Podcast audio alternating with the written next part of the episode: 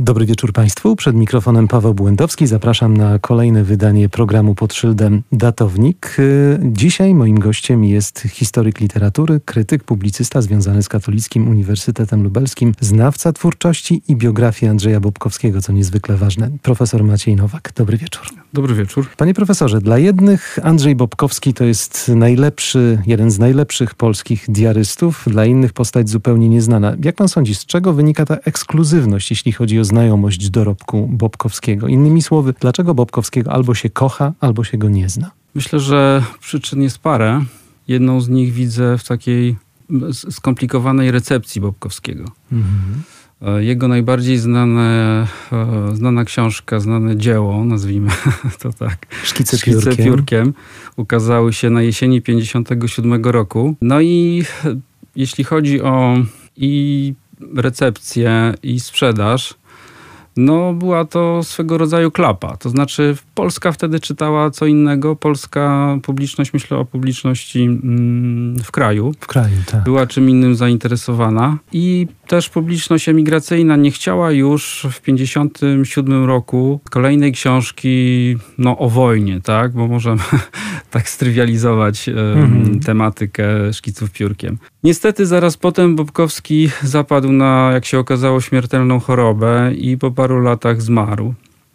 Staraniem e, Jerzego Giedroycia, no i taką postawą jego żony Barbary Bobkowskiej ukazał się po paru latach zbiór jego mm, prozy Coco de Oro i to już w ogóle nie miało prawie nieomal żadnej recepcji ta, ta, mhm. ta książka. Nawet doszło do tego, że po prostu o nim, znaczy nawet, po prostu zapomniano o Bobkowskim i w książkach poświęconych y, Instytutowi Literackiemu o nim nie wspominano, a czytałem też, że nakład ostatecznie szkiców piórkiem wyczerpał się w latach 80 no, 57 lat 80. Dosyć długo się to sprzedawało. Dosyć długo tak. to się sprzedawało, prawda? Z biegiem okoliczności właściwie można powiedzieć, że przywrócił Bobkowskiego czytelnikom y, jednoosobowo Roman Zimant, który na takiej sesji e, podczas karnawału Solidarności o literaturze e, źle obecnej wygłosił referat o szkicach piórkiem. On miał pewien kontakt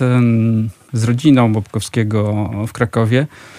E, nie wiem dokładnie, jak to przebiegało. W każdym razie e, właśnie Romanowi Zimandowi e, zawdzięczamy i przywrócenie do obiegu czytelniczego szkiców piórkiem i później innych tekstów Bobkowskiego i to też chciałbym podkreślić, w jaki sposób Bobkowski był czytany.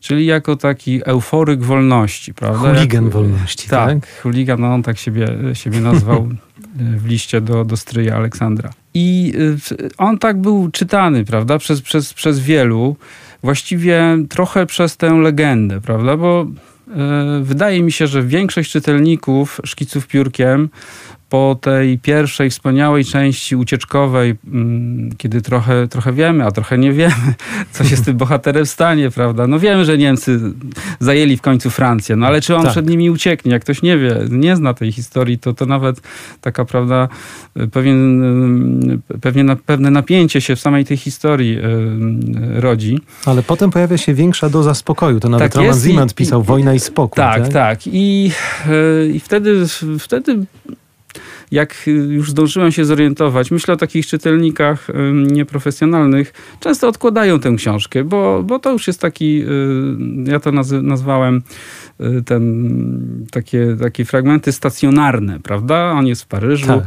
E, no ale jak się w to wczytać, to tam też są fascynujące naturalnie rzeczy i obserwacje i, e, i te różne recenzje z wystaw. E, może te teatralne to są takie, takie przegadane. Ale wracam do, do, tej, do tej recepcji. No i stan wojenny, kiedy rozkwitł, rozkwitł właściwie w Polsce drugi obieg, był takim okresem rozpowszechnienia się y, książek y, Bobkowskiego. Szkice piórkiem, o ile dobrze pamiętam, miały trzy chyba wydania podziemne. Coco de Oro przynajmniej jedno, oficyna liberałów to wydała.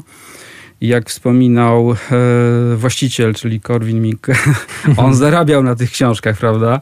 No więc Bobkowski się sprzedawał. No i w związku z tym chyba e, to był też nie tylko, że pisarz stał się, stał się takim pisarzem trochę y, elitarnym, ale też y, wydaje Modnie mi się, było czytać że, że był też pokoleniowym takim przeżyciem. No myślę mhm. tutaj o takim znakomitym tekście Andrzeja Chorubały, to, to, to pokolenie dzisiejszych 60-latków powiedzmy, że dla nich to, to Bobkowski był, był, był, to była taka lektura formacyjna, prawda? Trochę, taki ogląd świata. No właśnie tak jak to jest w Szkicach Piórkiem, że jest kultura i jest y, sport, tak? Jest wyjście do kina, y, ale też i y, pływanie, jest, jest lektura filozofów i długie godziny spędzone w kinie. E, jazda rowerem i wyprawy i Paryż, i prowincja francuska i tak dalej, i tak dalej, prawda? No to jest taka mieszanka wybuchowa. Tak. Dla mnie też muszę powiedzieć, że, że była, jak pierwszy raz sięgnąłem po szkicę piórkiem, to właśnie przeżyłem taką no, euforię po prostu, że, że no ale właśnie euforię życia, e, życia w ten sposób opowiedzianego, tak? To uderza w, szkica, w szkicach piórkiem. Mnie też bardzo zainteresował życiorys Bobkowskiego przed rokiem 1000 1939, bo on przychodzi na świat w roku 1913, tak? Tak. Więc niedawno, pod koniec października, mieliśmy 110. rocznicę tego wydarzenia, przyjścia właśnie na świat Bobkowskiego. Później oczywiście on jest, y, znajduje się w sytuacji w rodzinie dobrze y, sytuowanej. Jego wuj był ministrem, bardzo osobą mm, poważaną w II Rzeczypospolitej. I potem nagle w 1938 roku przychodzi bardzo szybka decyzja o wyjeździe. Co takiego 39. się stało? Przepraszam, w 1939, bo w 1938 zdaje się pod koniec ślub bierze, tak? Tak, 26 grudnia. Tak. Dlaczego ta decyzja była tak szybka? Domyślam się, że nie chodziło tutaj o względy polityczne i względy tego, że w Europie robiło się coraz bardziej niebezpiecznie. Chyba nie. O, trudno powiedzieć nawet, że to była decyzja. To po prostu był um, Ucieczka? potrzeba chwili.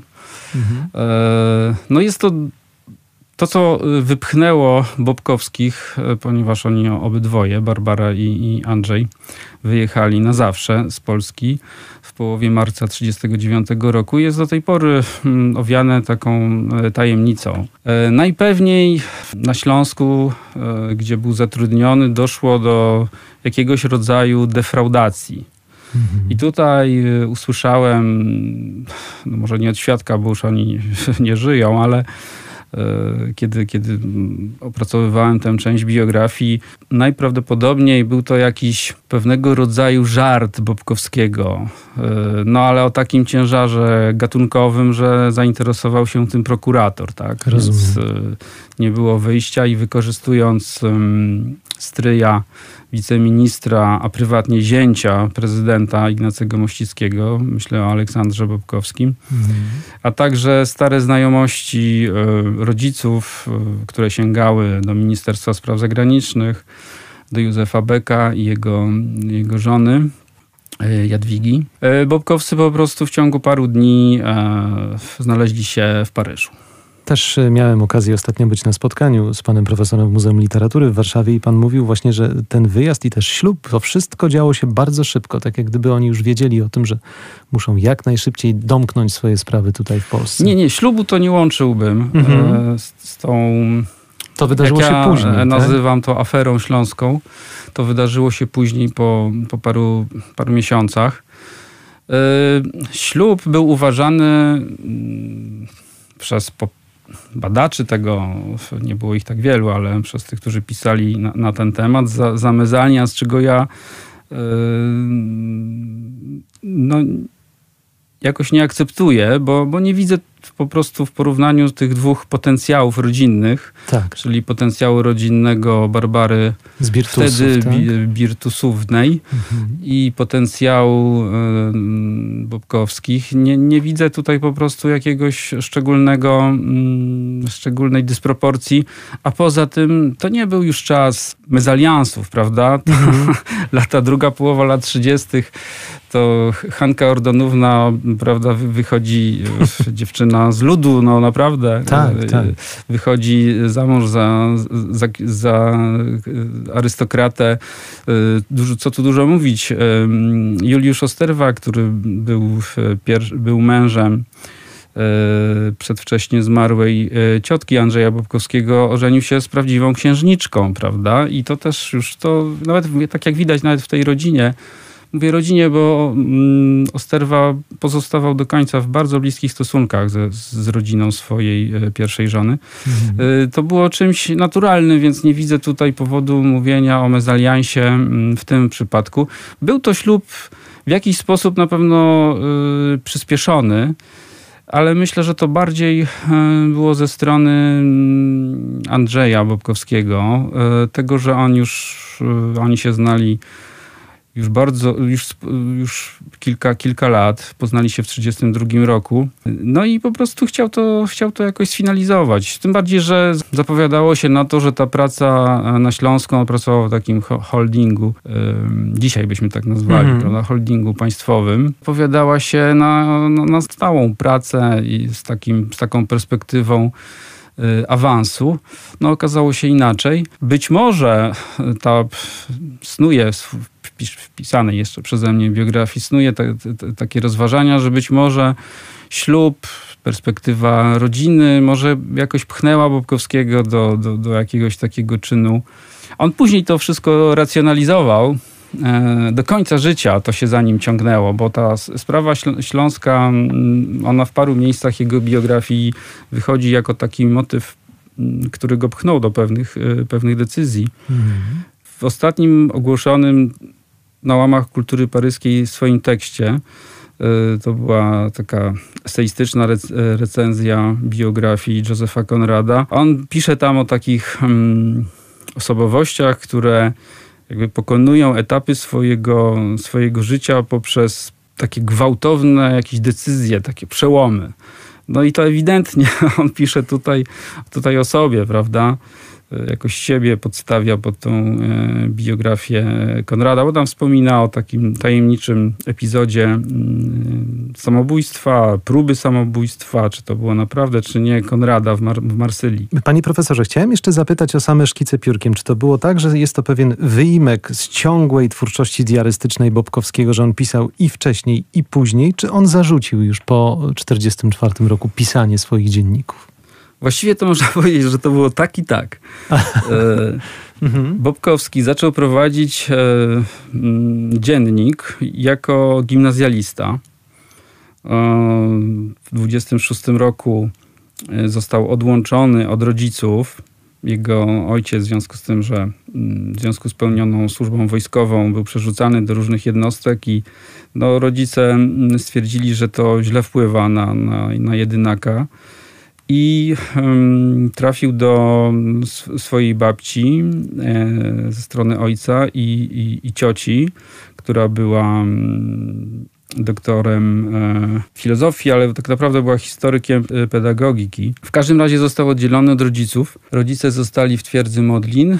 No i on, myślę, że wtedy przeżył taki jeden z, z kilku takich swoich życiowych e, przełomów. Posłużył mu do tego dziennik i bardzo obfita korespondencja z rodzicami. E, bardzo szybko stał się dosyć sprawnym epistolografem e, i diarystą. No i te dzienniki, one nie były bardzo regularnie prowadzone, ale skończył prowadzić ostatni ten swój młodzieńczy dziennik w roku 1932 po poznaniu Barbary Birtusównej. Mhm. I w, do właściwie do 1939 roku e, nie mamy, ja nie natrafiłem na żaden prowadzony przez niego dziennik. Natomiast e, istnieje taki przekaz, że podczas studiów w Szkole Głównej Handlowej wymienili z Barbarą ponad 900 listów. To mhm. były 3 lata 900 listów. E, no ale te, to, te listy prawdopodobnie no, nie dotrwały do, do naszych czasów, zaginęły. Kiedy trafia e, do Paryża w marcu 1939 roku, po takim okresie mm, w, w takiej mm, niepewności co do jego mm, przyszłych, przyszłych losów, co tam z, z nim będzie, y, otrzymuje ze Śląska y, propozycję pracy w, w Argentynie.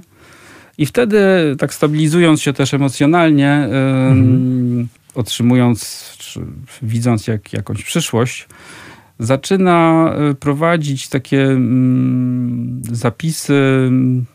One są nieliczne. W zeszycie, w którym e, też próbował e, tłumaczyć prozę Catherine Mansfield, André Murła, on się interesował też teatrem, no to jest taka, mm, myślę, że to jest spadek po, po znajomości z, z Juliuszem Osterw, Osterwą bardzo bliskim. Mhm.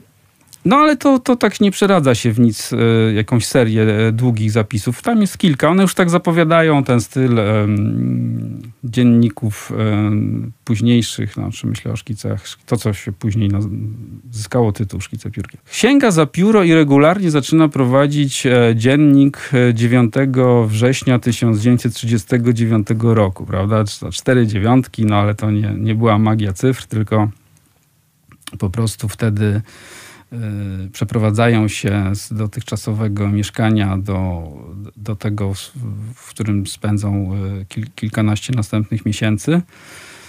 Y, I Bobkowski regularnie prowadzi dziennik już do końca, do wyzwolenia, do wyzwolenia Paryża w sierpniu 1944 roku. Gdyby te wszystkie zeszyty scalały, to mielibyśmy 13 takich zeszytów, mniej więcej po 180 stron. Te dwa pierwsze zostały zniszczone po wkroczeniu Niemców do Paryża. Barbara Bobkowska została zmuszona przez małżeństwo mm, Piera i Beatrice Payen. Oni u nich mieszkali. mieszkali Oni bardzo, tak. bardzo się bali tego, że że Niemcy po prostu będą wyszukiwać Polaków, y, no i będą robić regularne y, naloty na te, na te miejsca, będą przeszukiwać, prawda? No, Czy gestapo było na tropie Bobkowskich?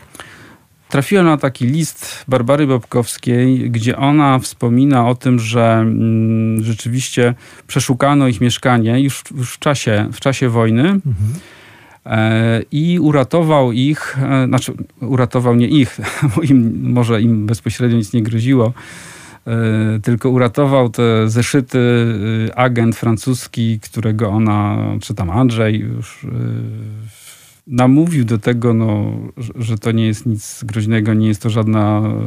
Tak, że można to zostawić. Można to zostawić. Z tym, że mm, mm, wracając do, do, tego, do, do tych zeszytów. Bobkowski później, jak wiemy, bo opisał to w szkicach, został e, zmuszony do ewakuacji, do, do wyjazdu z Paryża wraz z fabryką, w której, w której był zatrudniony.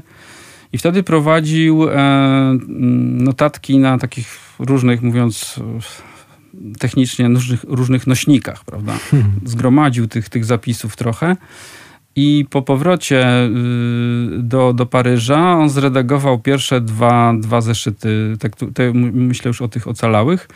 No i jak się dowiedział o tym, co się stało z tymi mm, z tym pierwszym i drugim, to postanowił je odtworzyć. Dlatego tych, na tych zachowanych zeszytach pierwszy nosi, nosi cyfrę rzymską 3, prawda? To jest trochę, y, trochę y, może wprowadzać w błąd, no ale właśnie, bo on miał cały czas zamiar tą jedynkę i dwój, dwójkę otworzyć, no nie zrobił tego, ocalało to zaledwie parę stron.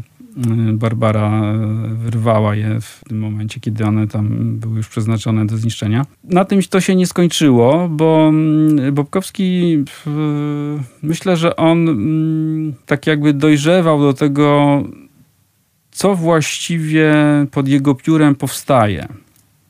On nie był przecież pisarzem. On, jak uciekał z Polski, to miał opublikowane dwa, dwa, dwa teksty, więc to było zupełnie nieistotne, prawda? Nie był to żaden dorobek. On, i dlatego on dojrzewał właściwie do tego pisarstwa, prowadząc, y, prowadząc ten swój, swój, swój dziennik, odkrywając sam dla siebie jego, jego wartość. Dlatego też te zachowane zeszyty, one się mm, różnią, powiedzmy, pewnym charakterem, prawda? Od 1943 roku mm, widzimy, że to już jest świadomie że ta świadomość się zwiększa. Tak, tak. No mhm. i do tego stopnia, że on przepisał część notatek w takim osobnym zeszycie.